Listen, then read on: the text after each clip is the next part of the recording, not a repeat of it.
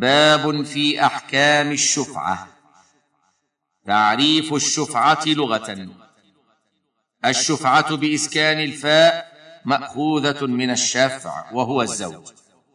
لأن الشفيع بالشفعة يضم المبيع إلى ملكه الذي كان منفردا.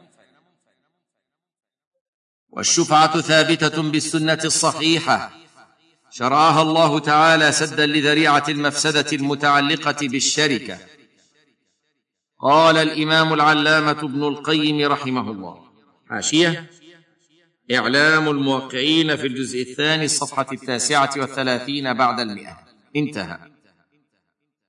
ومن محاسن الشريعة وعدلها وقيامها بمصالح العباد إتيانها بالشفعة. فإن حكمة الشارع اقتضت رفع الضرر عن المكلفين مهما أمكن. ولما كانت الشركة منشأ الضرر في الغالب رفع هذا الضرر بالقسمة تارة وبالشفعة تارة. فإذا أراد بيع نصيبه وأخذ عوضه كان شريكه أحق به من الأجنبي. ويزول عنه ضرر الشركة ولا يتضرر البائع لأنه يصل إلى حقه من الثمن.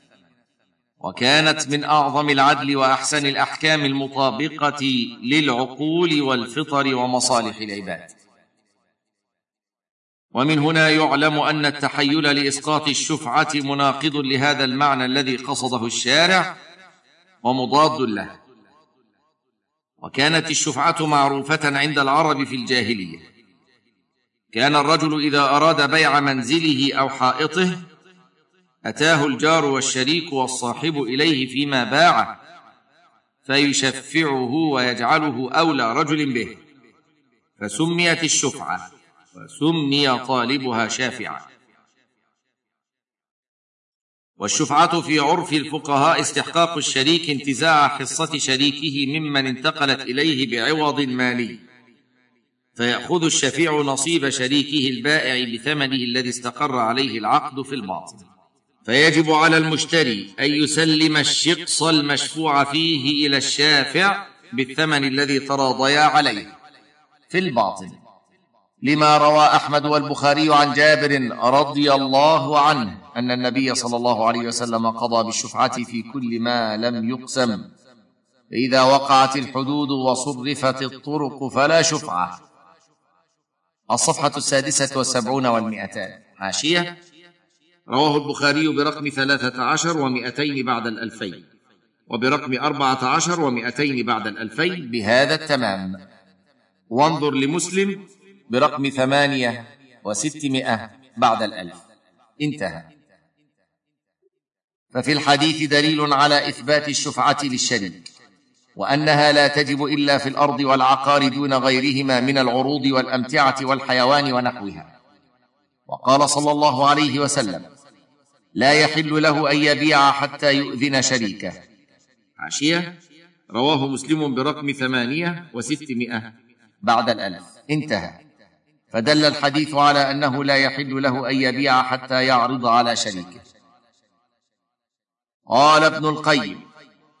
حاشيه في إعلام الموقعين الجزء الثالث الصفحه الثالثة والستين انتهى. حرم على الشريك أن يبيع حتى يؤذن شريكه. فإن باع ولم يؤذنه فهو أحق به. وإن أذن في البيع وقال لا غرض لي فيه لم يكن له الطلب بعد البيع. وهذا مقتضى حكم الشرع ولا معارض له بوجه وهو الصواب المقطوع به. انتهى. وهذا الذي قاله ابن القيم من أن الشفعة تسقط بإسقاط صاحبها لها قبل البيع واحد القولين في المسألة. والقول الثاني وهو قول الجمهور إنها لا تسقط بذلك ولا يكون مجرد الإذن بالبيع مبطلا لها. والله أعلم. والشفعة حق شرعي يجب احترامه ويحرم التحيل لإسقاطه لأن الشفعة شرعت لدفع الضرر عن الشريك فإذا تحيل لإسقاطها لحقه الضرر وكان تعديا على حقه المشروع.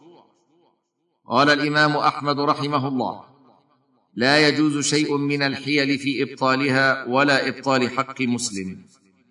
وقد قال صلى الله عليه وسلم لا ترتكبوا ما ارتكبت اليهود فتستحلوا محارم الله بأدنى الحيل.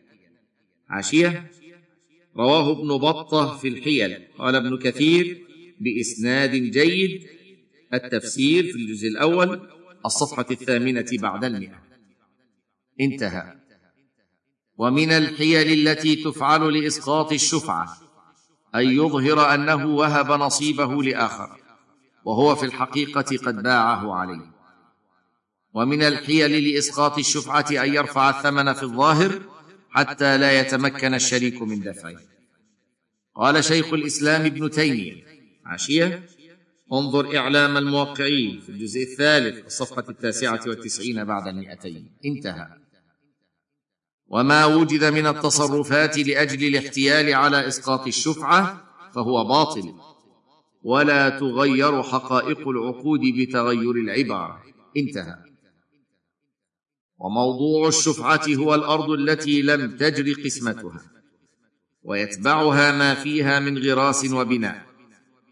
فإن جرت قسمة الأرض لكن بقي مرافق مشتركة بين الجيران كالطريق والماء ونحو ذلك فالشفعة باقية في أصح قولي العلماء لمفهوم قوله صلى الله عليه وسلم فإذا وقعت الحدود وصرفت الطرق فلا شفعة حاشية رواه البخاري برقم ثلاثة عشر بعد المئتين والألفين. انتهى. إذ مفهومه أنه إذا وقعت الحدود ولم تصرف الطرق أن الشفعة باقية. قال ابن القيم حاشية في إعلام الموقعين في الجزء الثالث الصفحة التاسعة والسبعين بعد الثلاثمائة والثمانين بعد الثلاثمائة انتهى. وهو أصح الأقوال في شفعة الجوار ومذهب أهل البصرة وأحد الوجهين في مذهب أحمد واختيار الشيخ. انتهى. الصفحة السابعة والسبعون بعد المئتين. وقال الشيخ تقي الدين حاشية الفتاوى الكبرى في الجزء الرابع الصفحة الثالثة بعد الخمسمائة. انتهى. تثبت شفعة الجوار مع الشركة في حق من حقوق الملك من طريق وماء ونحو ذلك.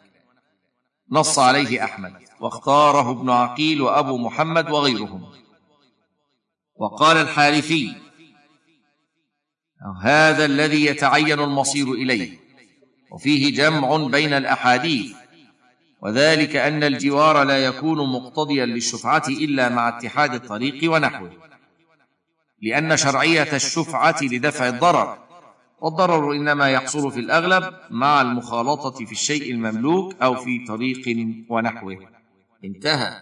والشفعة إنما تثبت بالمطالبة بها فور علمه بالبيع فإن لم يطلبها وقت علمه بالبيع سقطت. فإن لم يعلم بالبيع فهو على شفعته ولو مضى عدة سنين. قال ابن هبيرة اتفقوا على أنه إذا كان غائبا فله إذا قدم المطالبة بالشفعة. وتثبت الشفعة للشركاء على قدر ملكهم لأنه حق يستفاد بسبب الملك. فكانت على قدر الأملاك فإن تنازل عنها أحد الشركاء أخذ الآخر الكل. أو ترك الكل لأن في أخذ البعض إضرارا بالمشتري والضرر لا يزال بالضرر.